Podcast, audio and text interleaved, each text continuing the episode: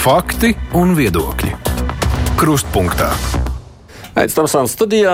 Mēs runāsim šodien kruspunktā par mūsu armiju, par gatavību aizstāvēt valsti, par to, kā izlietojam aizsardzības resoram piešķirto naudu, par jauno valsts dienestu. Jebkurā gadījumā nu, tas, ko jūs jautāsiet, jo uz amatpersonu stundu esam aicinājuši aizsardzības ministriju Nāru Mūrnieci. Labdien jums!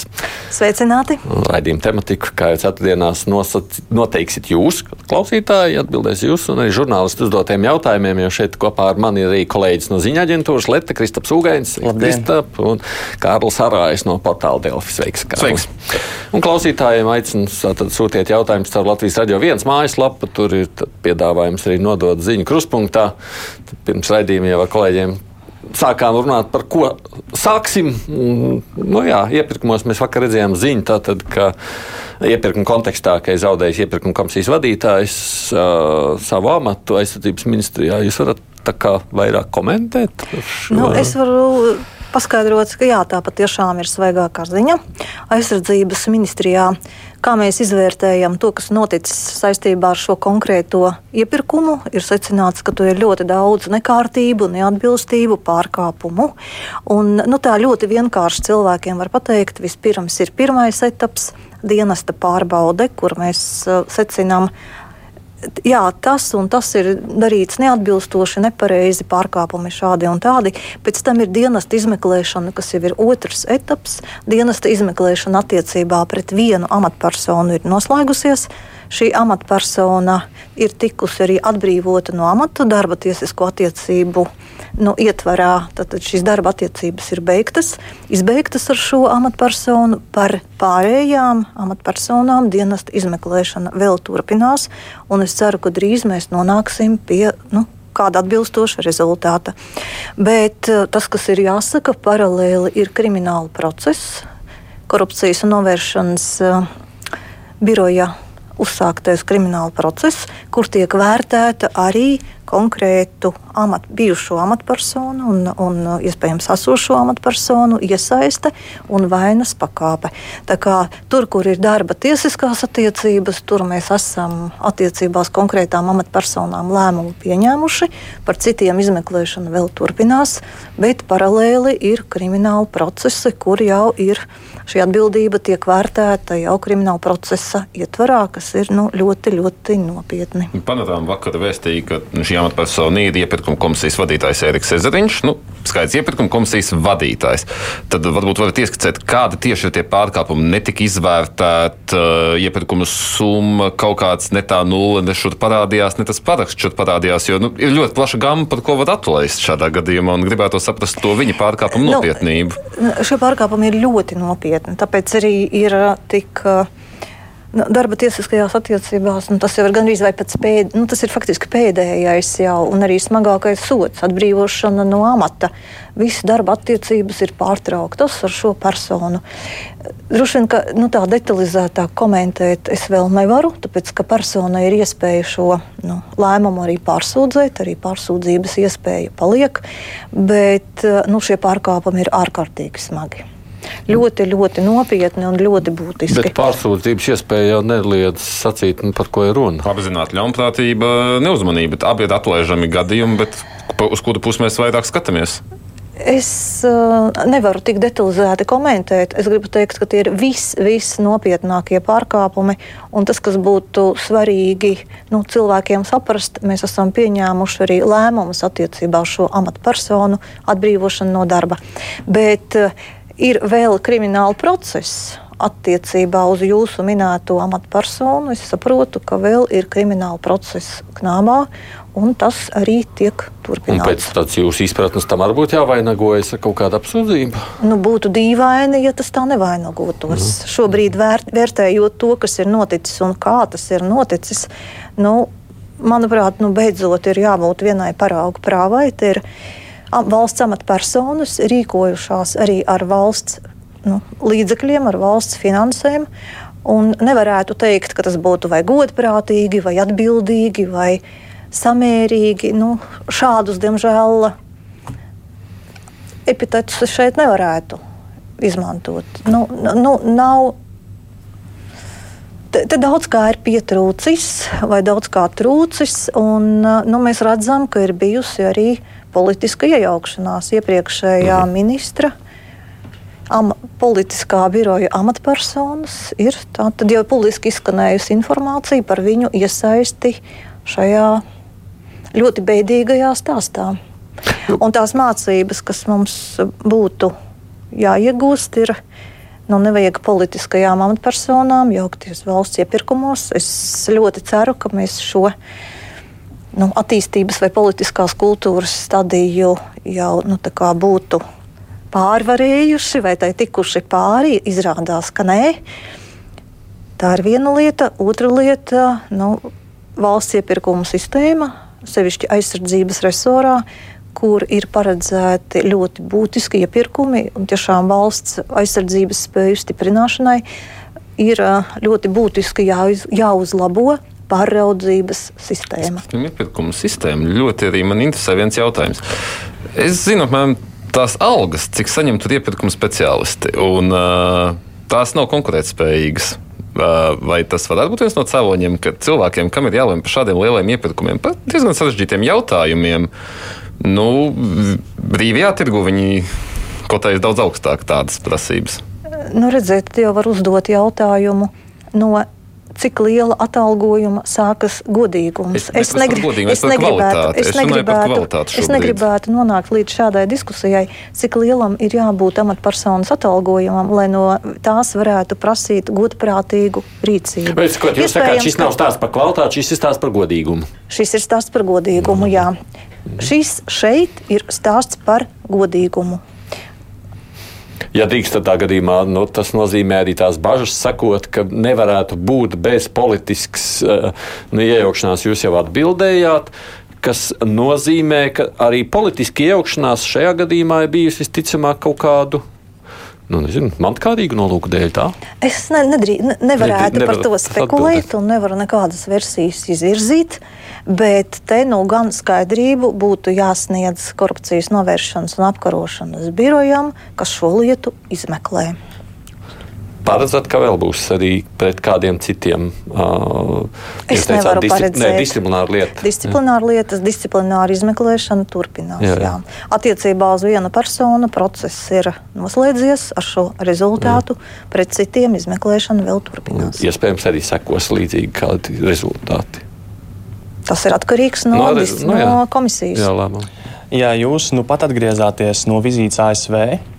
Uh, vai jums ar ASV pārstāvjiem panācāt kaut kādu ātrāku progresu raķešu artērijas Haimers un krasta aizsardzības raķešu iegādē? Es ļoti gribu cerēt, ka jā, ar Amerikas Savienoto Valstu aizsardzības ministru. Uh, Lloydu Ostinu mēs pārunājām arī šos jautājumus, un mēs teicām, nu, mums tas ir ļoti, ļoti būtiski valsts aizsardzības spēju stiprināšanai. Nu, un arī atturēšanas politikai. Mēs redzam, ka mums blakus ir ļoti agresīvs kaimiņš, Krievija, gribētu sev blakus civilizētu kaimiņu valsti, ar kuru mēs varētu labi sadzīvot. Nu, bet tā nav. Tā nav. Līdz ar to valsts aizsardzības spējas ir jāstiprina, un mūsu interesēs ir to izdarīt maksimāli ātri. Jā, bet šis jautājums nav tikai un vienīgi mūsu rokās. Ja, šeit mēs sadarbojamies ar Amerikas Savienotajām valstīm, un mums ir ļoti būtiski, lai šīs spējas mēs iegūtu maksimāli īsā laikā, maksimāli ātri. Jā, par to mēs runājām. Un, ņemot vērā, ka Latvija ir tā pirm, pirmrindniece palīdzībai Ukrainā, vai esam parūpējušies par savu stingru munīcijas un citu ekipējumu krāju, krājumu atjaunošanu? Es gribu teikt vispirms tā. Šo jautājumu cilvēki uzdod ar zināmām bažām. Jā, mūsu militārā palīdzība Ukrainai ir ļoti ievērojama, ņemot vērā mūsu iekšzemes koproduktu un mūsu ekonomiku. Bet uh, militāro palīdzību Ukrainai mēs sūtām sadarbojoties ar mūsu bruņotajiem spēkiem, ar bruņoto spēku komandieri Leonīdu Kalniņu, arī ar uh, apvienoto štābu. Un tur, kur mēs sūtām mūsu stingrus projām, mēs iegūstam modernāku ekipējumu, uh, RBS sistēmas. Tur, kur mēs sūtām projām citu, uh, citu ekipējumu, piemēram, triecienu šautenes, tur mēs saņemam modernākus ieročus. Tātad mūsu valsts aizsardzības spējas necieš. un nav apdraudētas. Jā, mēs sūtām projām savus helikopterus, Mi-17, bet vietā mēs saņemam Black Hawks. No Latvijas gadījumā es teikšu, tie ir nevis melnie, bet mūsu pelēkie putniņi. Un pavisam nesen tikko ir atlidojis arī trešais pelēkais helikopters, gaidām ceturto. Tātad, jā, mēs sūtām militāro palīdzību, bet vietā saņemam citu, jaunu, modernāku ekipējumu. Mūsu valsts eh, aizsardzības potenciāls necieš. Mēs ļoti darām daudz, lai to vairotu un stiprinātu. Nu, ja par munīciju tomēr pajautājot Ukraiņas kontekstā, tie nopludinātie materiāli no Amerikas Savienotajām valstīm rāda, ka ir pietiekošs pamats runāt, ja bažāties sakot to, ka Ukraiņai var pietrūkt ne tikai munīcija, bet runājot arī par PVO aizsardzības sistēmām, nu, tām, kas ir padomju, lai viņas varētu vispār lietot. Vai jūs redzat to iespēju, vispār jūs saprotat, jūs radīties uz Vācijas bāzi, lai runātu par to, vai jūs redzat vispār iespēju, ka, ka rietumi spēj nodrošināt Ukrainu pilnā mērā to, kas viņiem ir nepieciešams arī kaut vai šādā gaisa aizsardzībā? Ir, ir bijis, un es atgādināšu, ka pavisam salīdzinoši nesen tika runāts par to, vai vispār uz Ukrainu var sūtīt ķiveres vai tas neeskalēs situāciju. Es te mazliet ar ironiju to saku. Šobrīd mēs runājam Rāmsteinas formātā, tur, kur sapulcējas ap galdu aptuveni 50 valstis, ne tikai jau par tanku, bet arī par lidmašīnu sūtīšanu uz Ukrajinu.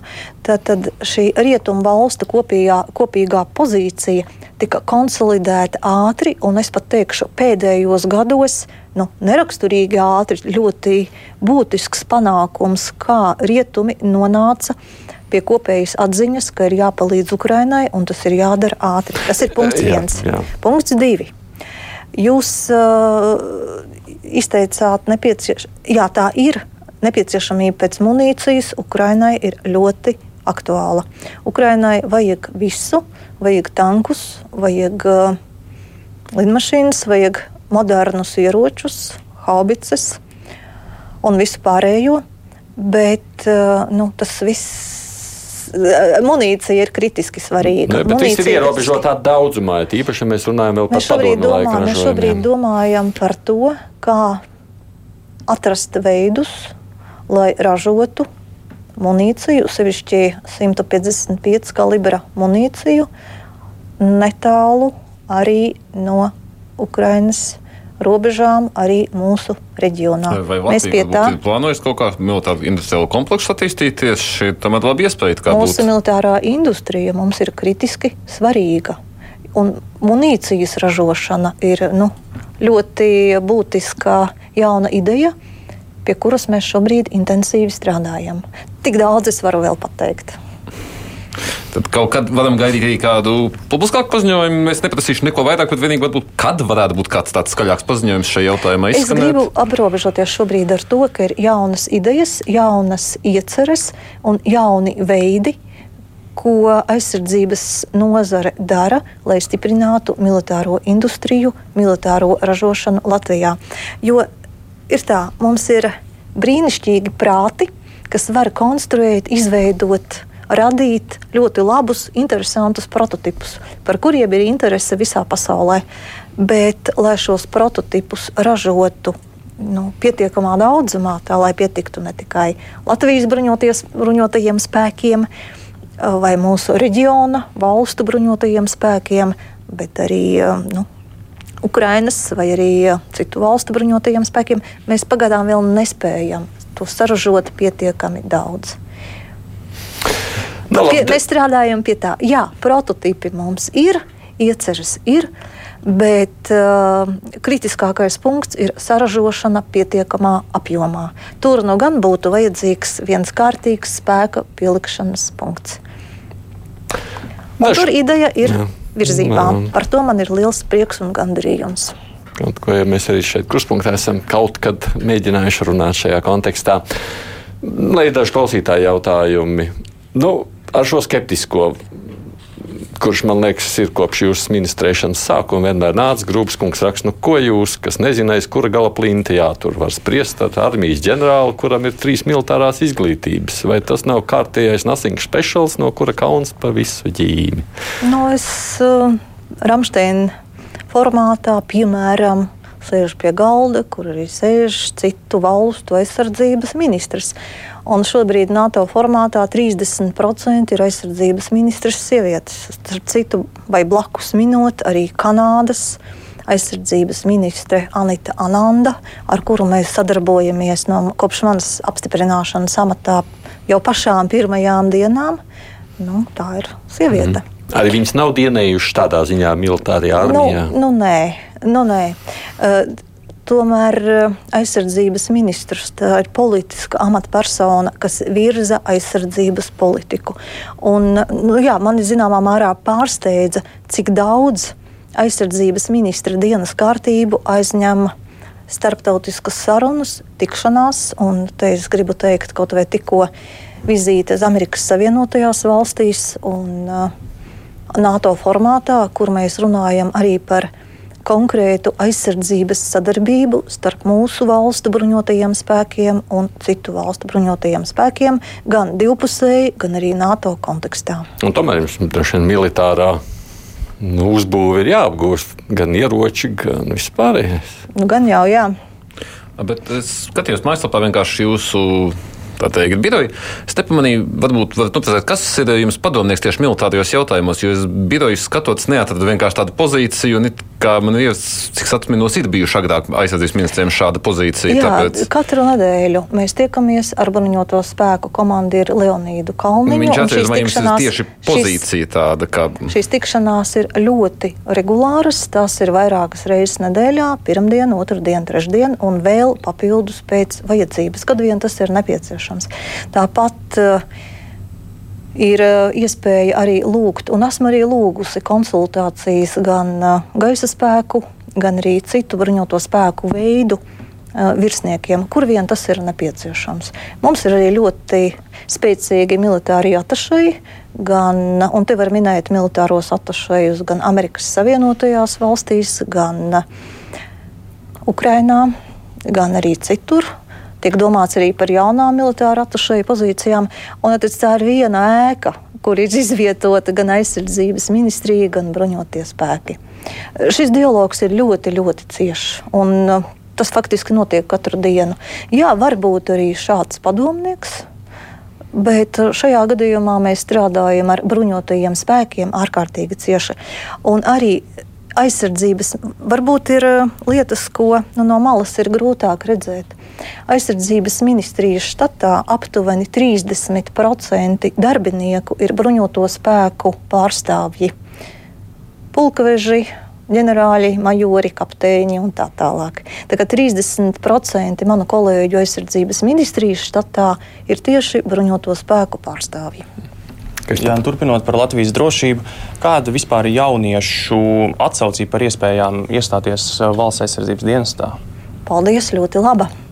Ja vēl otrdien intervijā 900 sekundēm uz šo jautājumu es varēju teikt, ka ir aptuveni 40 pieteikumi saņemti par iespējām brīvprātīgi dienēt, tad šobrīd mums ir ienākuši aptuveni 90 pieteikumi. Nu, mēs ceram saņemt vēl. Ir izveidota mājaslapa Kļūsti karavīrs kur ir iespēja pieteikties arī militārajam dienestam, uzzināt visu nepieciešamo informāciju saistībā ar to, uzzināt par pavisam drīz notiekošo viesu dienu. Eh, Ādaža militārajā bāzē, un, ja nu kādam nebūs iespēja uz turieni aizbraukt, tad būs pieejama virtuālā tūre. Bet, ja par šo runājot, te ir nu, no diviem jauniešiem jautājums varbūt izklausās ļoti sadzīvisks, kas saka, ka viņi gribētu patiešām pieteikties un doties. Viņus baida viena lieta. Viņiem ir ļoti svarīgi viņu garie mati, jo viņi ir rokkeri un mūziķi. Mm.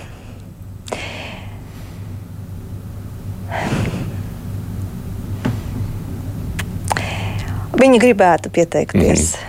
Un uh, es ceru, ka tas nav nepārvarams šķērslis uh, frizūra vai ārējais izskats. Nu, viņiem, vai... viņiem, viņiem, es saprotu, tie mati ir ārkārtīgi svarīgi. viņi ir rūpējušies un galdus kopuši jau. Nu, NBA basketbola zvaigzne no Somijas tomēr nogrieza savus brīnišķīgos lakainos matus un paziņoja, ka tie taču attauks. Vai tiešām tas Jo ir viņš svarīgāk par, nu, mati svarīgāk par šo nepieciešamību? Ja Es nezinu, man ir diezgan noskaņu? grūti to izsvērt, kas kādā dzīves brīdī var būt nu, cilvēkam 18, 17, 19 gadu vecumā, Nu liekas būtiski. Bet valstī no tāda militārā viedokļa tiešām ir obligāti jāprasa nogriezt matus. Nu, tad jau varētu runāt arī par daudz ko citu. Jā, ir kopējās reglamenta prasības, kas tomēr būtu jāievēro. Nu, varbūt ka mēs nonāksim, paskatīsimies, kā mums šis brīvprātīgais dienests. eh, Kā ar to iet, kā tas veicas, varbūt ka mēs nonāksim pie citiem standartiem, jo sabiedrība jau arī mainās un redzēsim, kā mums ar to veicas. Bet pagaidām nu, neviens, jau, neviens no tiem, kas ir pieteicies dienēt brīvprātīgi, nu, tā kā īsti nav žēlojies. Vai, nu, es saprotu, Un ir dažādi jaunieši. ir tik daudz jauniešu, kas izvēlas arī doties uz aizsardzības akadēmiju, savu profesionālo ceļu saistīt ar armiju. Nu, Tīvārs prasa, bet meitenēm vai sievietēm, kas dienu, vai tad viņām arī jādzen tie mati? Nē, bet um, ir konkrēts reglaments un Nu ir jā. konkrētas prasības, kas jāievēro. Jā, matiem ir jābūt kārtīgiem un sakārtotiem zināmā frizūrā. Nu, tas ir tāds nu, vispār pieņemtas lietas, vai mēs par kaut ko svarīgāku arī varam parunāt, nekā varbūt frizūra. Eh, paziņu viens arī eh, izlasīšu šos te, nu, reglamentu, kāds būs, no piercing, sakārtoti mati, bet eh, viens uz sejas tetovējums, kas tam citu diezgan daudz jauniešiem, un te man, viņam tad tāds nopietns jautājums, ai, ja es gribu iet, man ņems vispār pretī ar to, ka man uz sejas ir tetovējums, kas it kā jau neatbilst tam aprakstītajam. Es domāju, ka ņems. Ja jūs gribat dzirdēt manu pozīciju, es, ja, ja mēs runājam par reglamentu un ārējo izskatu, tad arī zināma garuma baigu vārdas ir atļautas, lai slēptu tetovējumus vai nu, kādas uh, konkrētas defektus vai nepilnības un tā tālāk. Bet man liekas, ka pats galvenais tomēr ir cilvēku apņēmība aizsargāt savu valsti, patriotisms, un tad jau viss nāks arī pēc tam pārējais. Nu, vai nu tie ir 5 vai 10 centimetrus īsāki vai garāki mati. Man, es, es nezinu, vai tas patiešām ir tik ļoti būtiski. Jā, es vēlējos turpināt par šo tēmu. Kas jūs visvairāk personīgi uztrauc uh, šajā aizsardzības dienesta ieviešanā? Piemēram, Pulkvedis Gaugers uh, minējis, tā ir jauniešu disciplīna. Es teiktu, jā, Pulkadim Gaugaram ir liela pieredze darbā ar profesionālo dienestu. No savas puses es varētu teikt, ka būtiska lieta ir jauniešu veselības stāvoklis. Fiziski un normatīvi, teikšu, tas ir otršķirīgi, 18, 19, 20 un 22 gadu laikā, eh, vecumā ir liekas, ka diezgan viegli uztrenēties. Tas nav šķērslis. Jautājums ir par veselību. Un, uh, veselības pārbaudēm ir jābūt pietiekami, pietiekami nopietnām. Tā ir tā lieta, kas man liktos ļoti, ļoti svarīga. Visu pārējo var izdarīt. Var uztrenēties, var atrisināt visas problēmas ar disciplīnu. Ja ir labi instruktori, arī tie spēj motivēt jauniešus. un Mēs gribam, lai būtu labi instruktori, kas spēj arī motivēt, ne tikai iemācīt profesionālās iemaņas, bet arī motivēt un izstāstīt, kāpēc tas ir vajadzīgs. Bet man liekas, ka pats svarīgākais ir arī veselība. Jā, un blakus minot, ja nu ir problēmas ar veselības stāvokli vai, piemēram, ar zobu veselību, tad arī šīs problēmas armijā tiek risinātas. Tas ir tāds arī nu, ieguldījums no aizsardzības resora, ieguldījums sabiedrības veselības stiprināšanā. Ceru, ka armija var iemācīt līderību, ceru, ka armija var iemācīt darbošanos komandā, ceru, ka armija var iedot vai dot labas. Nu, tādas profesionālas spējas, varbūt kādam parādīs nākotnes ceļu. Uh, nu, iegūs varbūt kāds uh, padziļinātas zināšanas uh, noteiktās jomās, kāds sakārtos veselību, kāds iemācīsies vairāk patstāvības. Par veselību, bišķi paturpināt, bet ne par fizisko, par garīgo veselību. Tā ir nu, mūsdienās ļoti daudz aprunāta tematika. Un, uh, es varbūt pats neesmu pietiekuši iedziļinājies, kā tieši admier, vai admierība vērtēs, piemēram, vai ir uh, depresijas, bipolārie traucējumi vai kas tāds, kas, nu, bieži netiek diagnosticēts līdz vēlākam brīdim dzīvē, un kas tiek jauniešu vecumā iespējams norakstīts uz kaut kādu. Nu, augšana, kas patiesībā ir nopietna tā garīgā saslimšana, kas var būt tomēr ilgtermiņā arī nu, tāda nepiemērota, nepiemēro, ka nav piemērojams die, piemērotas dienestam cilvēks. Gan jau, gan jau, ka pie tā mēs nonāksim. Es domāju, ka būs virkne jautājumu, ko mēs sapratīsim, veidojot uh, valsts aizsardzības dienestu. Jā, mēs sākam ar brīvprātīgo pieteikšanos, ar ļoti motivētiem jauniešiem, bet mēs redzēsim, kā mums tālāk veiksies. Un domāju, ka daudzas atbildes mums var sniegt mūsu kaimiņi. Igaunijas bruņotie spēki, Lietuvas bruņotie spēki, Somijas bruņotie spēki. Blakus minot, žurnālistiem šovasar tiek organizēts arī brauciens uz Somiju, lai paraudzītos, kā tur notiek šis valsts aizsardzības vai obligātais dienests. Gaidīsim ielūgumu. Es domāju, ka pie, tā, pie, pie jautājumiem par garīgo veselību mēs redzam, ka Covid laikā nu, sevišķi jaunieši bija tie, kas iespējams arī cieta visvairāk tā ir nopietna lieta, un tai ir jāpievērš uzmanība. Jā, nu, turpinot par to fizisko sagatavotību, tomēr to veselības stāvokli, vai ir plānots varbūt ar izglītības ministriju, ar veselības ministriju kaut kā sadarboties ciešāk, lai nu, tomēr tie jaunieši nonāk nu, līdz 18 gadiem tādi nu, veselīgāki nekā tagad? Nu, Attiecībā uz veselības pārbaudēm, jā, protams, tās pārbaudes ir plānotas nopietnas. Un, uh, nu, redzēsim, kā šī sistēma ir veidojama un uzlabojama.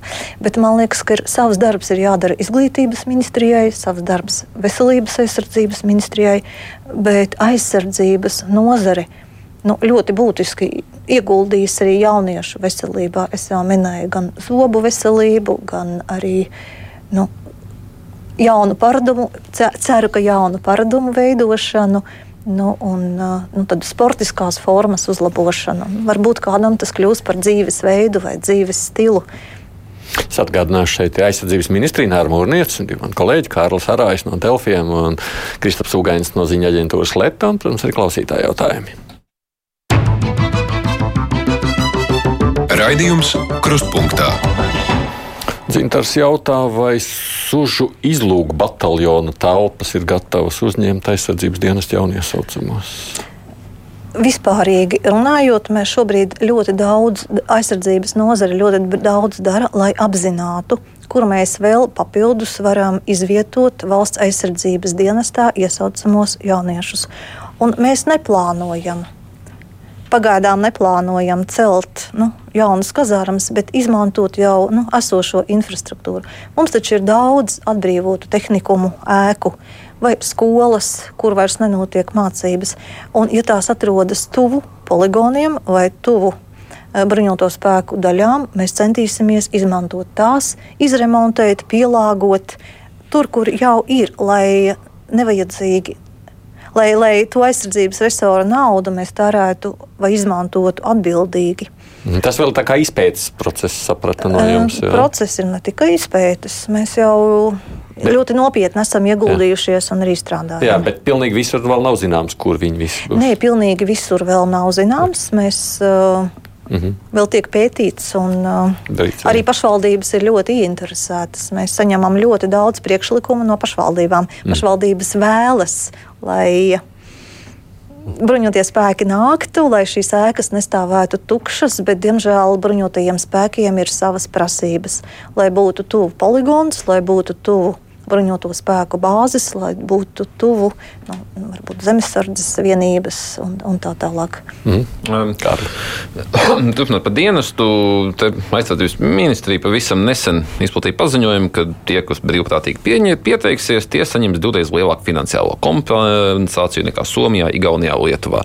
Tad man ir jautājums, tomēr, kāpēc ir vajadzīgs tāda divreiz lielākā kompensācija? Nu, tas ir kaut kā tas burkāns, ar ko cerēt pievilināt. Tas ir, nu, jo tomēr budžets mums ir kāds ir valstī. Tāpēc rodas jautājums, kāpēc vajag tik ļoti skriet priekšā kaimiņu valstīm, piemēram, Somijai, kam tomēr budžetam ir krietni labāk. Nu, mēs uzsākām pavisam jaunu lietu.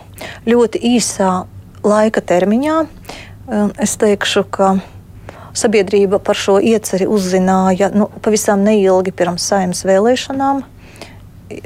Un ļoti īsā termiņā mēs esam pieņēmuši valsts aizsardzības dienesta likumu. Jā, tas tika ļoti būtiski pārveidots manā laikā, padarīts skaidrāks, saprotamāks, nu arī tāds vieglāk piemērojamāks. Un, uh, šīs summas vai šīs kompensācijas 600 brīvprātīgajiem, kas piesakās paši, un 300 tiem karavīriem, kuri tiks iesaukti valsts aizsardzības dienestā. Par to mēs esam diskutējuši arī parlamentā, aizsardzības komisijā un arī parlamenta sēdēs. Acīm redzot, lai radītu šo pozitīvo vilkli. Vismaz dienesta sākumā šāds ceļš ir izrādījies pareizs. Ir jābūt kādai motivācijai, ir jābūt arī. Nu, Kaut kādai ir jābūt kādai vīzijai, nu, kā jūs teicāt, burkānam. Jā, nu, ir jābūt. Šobrīd tāds lēmums ir pieņemts, un mm. šobrīd šo ceļu mēs ejam. Kristā. Jā, nesen uh, tika paziņots, ka NATO jaunie aizsardzības plāni Baltijas valstīm nesen prezentēti. Visu dalību valstu pārstāvjiem tos plānos apstiprināt pirms jūlijā gaidāmā NATO samita. Varbūt jūs varētu atklāt, kā šie plāni uzlabos Latvijas drošības situāciju. Mēs jau vairākus mēnešus runājam arī par jaunu valsts aizsardzības koncepciju Latvijai. Un jau tikko mēs sākām publiskās diskusijas vai publiskos seminārus par valsts aizsardzības koncepciju, jaunais uzstādījums ir mūsu valsts teritorijas aizsardzība no pirmās konflikta minūtes un no teritorijas pirmā centimetra. Tas ir ārkārtīgi būtiski. Par to jau mēs diskutējam vairākus mēnešus. Jā, tagad ir starptautiskā prese par to uzrakstījusi, un visiem tas šķiet tāds nu, svaiga ziņa un jaunums. Bet nē, faktiski tas nav nekāds jaunums, tas jau ir mūsu uzstādījums, ar kādu mēs veidojam valsts aizsardzības koncepciju. Un es esmu gandarīta, ka šis uzstādījums ir arī plānos, kas paredz mūsu reģiona aizsardzību. Mēs redzam, ka jā, Ukrainai ir teritoriāls dziļums, un tā ir milzīga priekšrocība. Ukrainai, kad tā sastopas ar Krievijas bruņoto agresiju, bet tā kā teica Britu aizsardzības ministrs Valis, tad, eh, nu, piedošanu, Briti, nu, nu, Igauniju jau nebūs kur aizsargāt, ja gadījumā ir Krievijas agresija. Un, eh, tāpēc šī ļoti būtiskā domāšanas maiņa mēs pārslēdzamies uz to, ka valsts robeža ir jāizsargā tur, kur tā sākas no pirmā robežas centimetra. Visa pasaule ir redzējusi, kas notiek Bučā, kas notiek Irpiņā. Nu, mums ir pašiem sava pieredze, vēsturiskā pieredze, kas saistā, saistīta ar padomju armijas iebrukumu. Tā ir ļoti smaga pieredze. Mēs zinājām, kāpēc mūsu valsts teritorija ir jāaizsargā no pirmā centimetra. Ir gandarījums, ka NATO to ir sapratusi. Ļoti žēl, ka tas notika tikai pēc Ukrainas kara. Divi klausītāji man jautāja vienu par to pašu, par mūsu pretgaisa aizsardzību. Kā tad mums ir, kur tā mums ir un kas ar to? Pretgaisa aizsardzība ir. Ar to domu, ka reiz helikopterus mēs iepērkam, bet viņas jau kā rāda arī, ka Ukraiņas notikumi jau grib var viegli notriekt, tāpēc jau ir vajadzīga arī. Pretgaisa aizsardzība ir kritiski svarīga. Tā ir tiesa.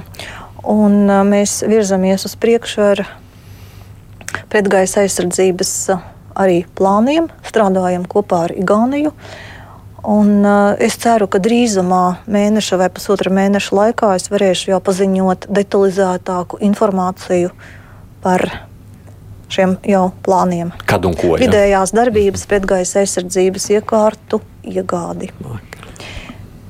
Ir jāsaprot arī, ka šobrīd uh, militārā industrija visā pasaulē ir pārslogota, un tas, ko mēs redzam, tā nav iepirkumu krīze, respektīvi visi vēlas šobrīd nopirkt vai iepirkt šādas pretgaisa aizsardzības iekārtas, bet tā ir industrijas, ražotāju krīze, respektīvi ražotāji nespēja saražot tik daudz, lai visi gribētāji tās pretgaisa aizsardzības iekārtas varētu iegādāties jau šodien, tūlīt un tagad. Tas nav nekas tāds, ko mēs dabūsim nākamnēnes vai pēc uh, pāris mēnešiem. Nē, mums būs jārēķinās ar laiku, kamēr tās tiks piegādātas. Turpinot par reģionu, nu, tikko Somija pievienojās NATO, nu, Zviedrijai pagaidām, tad, tad Turcija kā ir tā ir. Kad ir plānota kaut kāda, varbūt tiešām tāda Somija piesēšanās, Balt, varbūt Baltijas, Somijas tādā pie tāda viena galda un skatīties, jo tas mums tomēr ļoti spēcīgs tagad sabiedrotais un principā jūra tagad ir NATO jūra. Nu jā, nu jā, nu un, un pat joko, pat NATO iekšējais ezers arī nu, tā, arī tā, tā runā. Kad būs tāda nopietna piesēšanās, kur varētu arī jau tāda plašāka? mēs jau sēžam pie viena galda. Arī pāriem un ar Zviedriju arī mēs sēžam pie viena galda. Mēs uh, strādājam reģionā, un aizsardzības domāšana ir reģionāla domāšana, nevis valstu katrai pašas par sevi domāšana. Un te viens piemērs ir Baltijas valstu ietvarnāciju un uh, uzņemošo nāciju iedibināts jauns formāts. Proti, trīs Baltijas valstu aizsardzības ministri un trīs ietvarnāciju aizsardzības ministri - Lielbritānija, Kanāda un Vācija - sēž pie viena galda kopā ar uh, NATO militārajiem plānotājiem, un mēs runājam par reģionu aizsardzību. Lūk, ar Somiju un Zviedriju kopā mēs strādājam jau labu laiku. Ļoti būtiski ir tas, ka ne Somijai, ne Zviedrijai nu, nav ļoti daudz darāmā, lai tās iekļautos uh, NATO. NATO sistēmā un atbilstu NATO standartiem. Tur jau ļoti, ļoti daudz ir izdarīts. Kopā ar Somiju mēs strādājam pie militārās industrijas projektiem. Var minēt Patriju, kur pasūtītas aptuveni 200 transporta automašīnas mūsu bruņotajiem spēkiem, tā skaitā zemesardzei. Bet um, ir plānā arī citi projekti. Jā, Zviedriju arī esam uzrunājuši par iesaisti mūsu reģiona drošībā. Mēs jau sen esam pie viena galda. Man jāteic, ka arī kopš apstiprināšanas amatā jau nu, ļoti drīz mēs uzsākām šīs sarunas gan ar Somijas, gan ar Zviedrijas. Gan ar Baltijas, gan arī ar citiem aizsardzības ministriem. Aizsardzības politika šobrīd ir tik aktīva kā vēl nekad. Un kāda vispār var būt noskaņa aliansē, kad beidzot Turcija izdosies pielauzt eh, jautājumā par Zviedrijas pievienošanos? Nu, gan jau izdosies, gan jau izdosies. Tas, ko mēs redzam gan Eiropas Savienības formātā, gan eh, NATO formātā, tas, ka valstis daudz straujāk nekā līdz šim virzās uz ar vien lielāku un lielāku vienprātību. Un, ja sākotnēji, kad mēs runājam par Eiropas Savienības sankcijām, Eiropas Savienības formātā, par atbalstu Ukrainai un sankcijām pret Krieviju. Bija ļoti daudz jāskaidro, ļoti daudz jāpārliecina. Un tur bija iesaistīts gan mūsu ārlietu resursi, gan parlaments, gan uh, diplomātiskais dienests, vispārējie. Tas bija tāds liels pārliecināšanas darbs, bet šobrīd šī vienprātība ir daudz lielāka. Daudz lielāka nekā agrāk. Un es ļoti ceru, ka līdz viņas samitam, es tiešām ceru, izdosies pieņemt arī svarīgus lēmumus par Zviedrijas pievienošanos. Un gadās arī tā, ka šie lēmumi tiek pieņemti tieši pie nu, svarīgu sanāksmju galdiem. Varbūt, ka notiek arī šāds scenārijs. Gribētos tam ticēt. Jānis prasa, kāds risks var radīt ASV nopludinātie slepenie dokumenti? Šobrīd es uh, gribu teikt, ka Amerikas Savienotās valstis izvērtē riskus, ko ir radījuši noplūdinātie dokumenti. Arī šī tēma sarunā ar Lloydu Ostinu netika apieta. Mēs arī par to runājām. Par to. Eh, tas, ko es šobrīd varu pateikt un, un drīksta pateikt, eh, nu jā, vispirms ir, ir divas dažādas lietas. Ir eh, brīvprātīgie Latvijas iedzīvotāji, kas ir pieteikušies dienestam Ukraiņas bruņotajos spēkos, bet tie nav ne bruņoto spēku karavīri, ne aktīvie zemesargi. Tātad bruņoto spēku karavīri nedien Ukraiņas armijā. Tā ir viena lieta, kas ir jāpasaka ļoti skaidri. Jā, ir brīvprātīgie, konkrētu skaitu minēt mēs nevaram un arī nedrīkstam, lai nedotu zināmu informāciju arī tiem, kam to nevajag zināt. Tā ir viena lieta.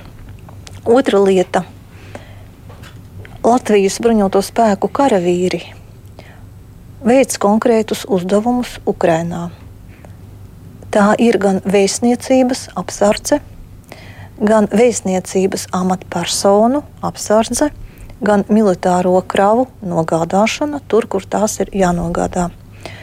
Bet viņi nedien Ukrainas bruņotajos spēkos. Viņi nodarbojas ar drošības funkciju izpildi.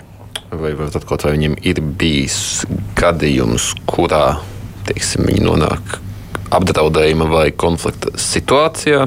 Es atturēšos pagaidām minēt konkrētus šādus epizodus vai šādus vai gadījumus. Ir bijis vai nē, jā, nē, jautājums tas pat ir vairāk. Nu, pagaidām, lai tas paliek ārpus iekavām, beigsies karš, es domāju, neviena grāmata tiks rakstīta par to, kas notika šī kara laikā. Un es domāju, būs daudz lapušu par varonību, būs arī citas lapus. Būs daudz lapušu par uzvaru, par varonību, par to, ko nozīmē patriotisms, savas zemes mīlestība, par to, ko nozīmē palikt Ukrajinā, palikt Kijavā un nosargāt Kijavu, nosargāt varas pieņemšanas centru, līdz ar to nosargāt valsti. Būs daudz lapušu par to, ko nozīmē upurēt sevi, upurēt savu dzīvi, dzīvību. Būs daudz lapušu par to, ko nozīmē visas sabiedrības iesaiste valsts aizsardzībā, jo armija viena to nespētu izdarīt. Ir taču aizmugure. Ir ļoti daudz būtisku lietu, kas ir jādara aizmugurē, sākot pārtikas sagāda, elektroenerģija, valsts uzturēšana, valsts funkciju uzturēšana. Jo valsts funkcionē demokrātijas aizsardzība, Mēs redzam, ka Ukrainā kara laikā nu, demokrātija funkcionē. Parlaments sanāk uz sēdēm, valdība darbojas, prezidenta institūcija darbojas. Valsts pastāv un valsts funkcionē kara laikā. Un, tā ir vēl viena liela mācība kas mums ir jāpaņem no Ukraiņas kara. Un es domāju, ka tās būs gan militāras mācības, militāra rakstura mācības, tās būs arī patriotisma mācības, bet tās arī būs mācības par to, kā valsts funkcionē kara laikā. Un tā ir mūsu visaptvarošā aizsardzība, visaptvarošās aizsardzības arī koncepts, pie kā mēs šobrīd strādājam. Jā, nesen eh, Lietuvas Seimas eh, komisija rosin, rosināja veidot kopīgu militāru mācību poligonu ar Latviju. Vai jūs šādu ideju atbalstat?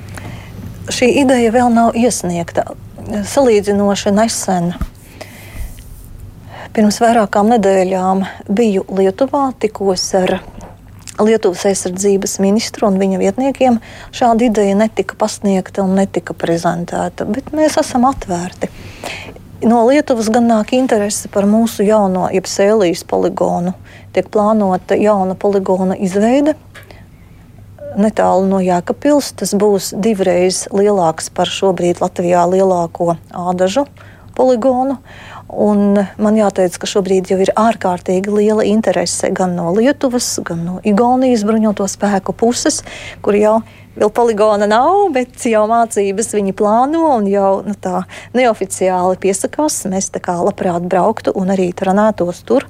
Jā, šī sadarbība vienmēr ir nu, ļoti pozitīvi vērtējama. Finansējumu negrib palīdzēt arī varbūt kaimiņu valsts? Nu, pagaidām nē. Mēs strādājam, negrib, mēs strādājam ar saviem sabiedrotajiem, ar Kanādu, ar Amerikas Savienotajām valstīm. Varbūt, ka tur ir iespēja cerēt arī uz NATO finansējumu šī poligona izbūvē. Pirmā kārta gan būs Latvijas finansējums. Pēc tam mēs varam domāt par nākamā finansējuma piesaisti. Nu, bet, ja mūsu citi sabiedrotie kaimiņi gribēs trenēties. Nu, jā, ir cenrādis. Sadarbība ir iespējama vai arī uz citiem nosacījumiem, vai arī kā apmaiņas programmas. Nu, tad jau raudzīsimies. Vispirms jau tam poligonam ir jātop. Un kad viņš būs, ir kaut kāds tagad jau skaidrāk iezīmējis. Nu, komandieris jau plāno vismaz šaušanas mācības nākamajā gadā. Bet, protams, tā ir viena, viena lieta - mācību rīkošana, otra lieta ir infrastruktūra. Un tās ir gan kazārmas, gan karavīru ēdināšana, gan visas sadzīves lietas. Un man jāteic, esmu arī Amerikas vizītē Amerikas Savienotajās valstīs uzrunājusi Amerikas Savienoto Valstu armijas sekretāri Keitu Vormotu, viņas vietnieku, viņas vietnieku un arī viņas vietnieku par iespējamu sadarbošanos šī poligona izveidē. Tā kā nu, tas praktiskais atlikums no šīs vizītes Amerikas Savienotajās valstīs, es ļoti ceru, ka varētu būt izvērsties arī šāds. Jo viņiem ir jaunas tehnoloģijas, ko viņi izmantojuši arī savu poligonu veidošanā. Varbūt šī sadarbība var būt arī nu, šāda, šāda veida un ļoti, ļoti praktiska. Mm. Trīs klausītāji jautājums nevis kā ministrei, bet kā Nacionālās apvienības politiķei. Nolasīšu Roberta jautājumā. Pajautājiet Mūrnieces kundzei, kā tas nākas, ka pirms vēlēšanām jūsu partija skandina Krievi nāk, bet jūsu biedrs Helmanis sadarbojas ar Kremļa oligarkiem. Es esmu pārunājusi jautājumu, tad, kad tas izskanēja par šīs porcelāna izstādes tapšanu, veidošanu ar Helmaņa kungu. Un arī Helmaņa kungs pats atzina, ka viņš ir ieklausījies, un šī izstāde nenotika. Mūsu skatījumā tā ir kļūda, ko viņš ir pieļāvis. Tālāk, Helmanis gan gribētu Viņš pajautāt, jo šorīt no rīta Springļa kungs tieši arī vienā citā intervijā runāja. Nu, viņš nu, diezgan konkrēti teica, nu, ja, neievēr, ja demokrātija neievēro, ja demokrātijai brauc pāri ceļruli kā ogrē, nu, kā jūs vērtējat to, ka nu, tomēr jūsu partijas biedrs un rekords ministrs atbildīgs par pašvaldībām saka, ka demokrātija tur tā bišķi grūti iet viņam? Nu, vispirms es gribētu dabūt faktoloģisko materiālu, jo bieži ir tā, ka nu, kāda detaļa nu, ir ļoti būtiska, kādā, nu, vērtējot kādu lietu. Un es negribētu nu, runāt vai spriest par situāciju, nezinot līdz galam detaļas. Es saprotu, ka ir lūgums, vai Helmaņa kungs ir vērsies knabā. Un arī knaps vērtēs zināmas situācijas. Nu, gribētu, gribētu, gribētu sagaidīt arī gan knaba, secinājumus un knāba spriedumu. Šobrīd ir saceltas, sacelta liela ažiotāža un tādas nu, ļoti emocionālas reakcijas, varbūt emocionāli sakāpinātas. Bet tas, ko man kā, nosvērtam un pragmatiskam cilvēkam, racionālam cilvēkam, tas, ko es gribētu redzēt, ir knaba izvērtējums par šo situāciju. Bet, nu, kā daudz kas jau nosaka politikā, kā tas izskatās. Un izskatās tā, muzejs tur negribēja, un tā ar muzeju izrēķinās. Visām Jā, politikā, aiztaisītām durvīm, policijas apsargāšanu. Vispār, es jums piekrītu, ka politikā bieži vien rodas iespējas, ka izskatās tā, kā ir. Bet, eh, nu, tad, lai, pieņem, bet lai mēs esam arī ne tikai politiķi, mēs esam amatpersonas. Un, lai amatpersonas pieņemtu kādus lēmumus, tad svarīgi ir fakti un, un faktoloģiskie secinājumi. Es gribētu sagaidīt faktus, tajā skaitā arī no knaba. Un tad mums droši vien būtu daudz pilnāka aina vai pilnāka izpratne par to, kas tur īsti tur ir noticis. Ja knabs kaut ko secinātu, kas um, nu, mestu arī ēnu uz Helmeņa kungu, jūs kā partija mm, lemtu arī par viņu atrašanos partijas nu, mēs tā hipotētiski ir laikam ļoti grūti spriest par to, kā būtu, ja būtu. Nu, vispirms jau ir jāsagaida tas kanāla atzinums. Es saprotu, ka Ogres eh, novada doma ir vērsusies kanāla. Ir, ir, bet nu, arī tad, es domāju, jums kā partija. Svarīgākais būs 30. aprīlis, kad varam būs izvērtējis Helmaņa darbu, jo nu, tas laikam šobrīd ātrāk pat knaba notiks visticamākais. Jā. Nu, redzēsim, redzēsim. Um, kolēģi. Man te ir vēl jautājumi no, no klausītājiem. Nē, te jautājums tādā pašā veidā ir savukārt par prezidenta izvēr, izrau, izraudzīšanu no jūsu puses, prasot, kāpēc jūs virzāt par prezidentu cilvēku, kurš ir, nu, Mārtiņa vārdiem domājot, nespējīgs, bet viens no visnepopulārākajiem prezidentiem. Es uz šo jautājumu mēģināju arī atbildēt un skaidrot šo pozīciju šonadēļ, raidījumā 900 sekundes man uh, vienmēr ir likusies uh, būtiska Egīla Levita virzītās, virzītās idejas. Tas ir Latvija kā nacionāla valsts, gan Eiropīska, gan nacionāla valsts, uzsverot arī latviešu valodas, latviešu kultūras lomu. Tāpat pavisam nesen man ir bijusi izdevība būt Minhenes konferencē. Tā bija vien, vēl viena vai viena no daudzajām iespējām pārliecināties, ka Egīls Levits ļoti labi spēja uzrunāt ārvalstu sabiedrību, ārvalstu līderus, ārvalstu amatpersonas, un arī spēja konsolidēt pozīciju. Un man jāteic, ka arī Latvijas un arī Latvijas prezidenta Egīla Levita dēļ šī ideja vai iecerē par starptautiska tribunāla izveidošanu, attiet, kur, kurš tiesātu Krievijas kara noziedzniekus, nu, ir virzījusies samērā sekmīgi uz nu, priekšu. Man tomēr gribas jautāt, jo prezidents tā tomēr faktiski ir reprezentatīva funkcija lielākoties. Un, ja mēs skatāmies to vakardienas, pēc, kas notiek Latvijā, kur viņi parādīja pozitīvu, viņu vērtē 27% iedzīvotāji, negatīvi 64%. Kā, ko viņš reprezentē šajā brīdī un ko jūs kā partija pasakat šiem 27, 64% cilvēku, kas nevērtē pozitīvi, kā viņi tiek reprezentēti? Nu, jā.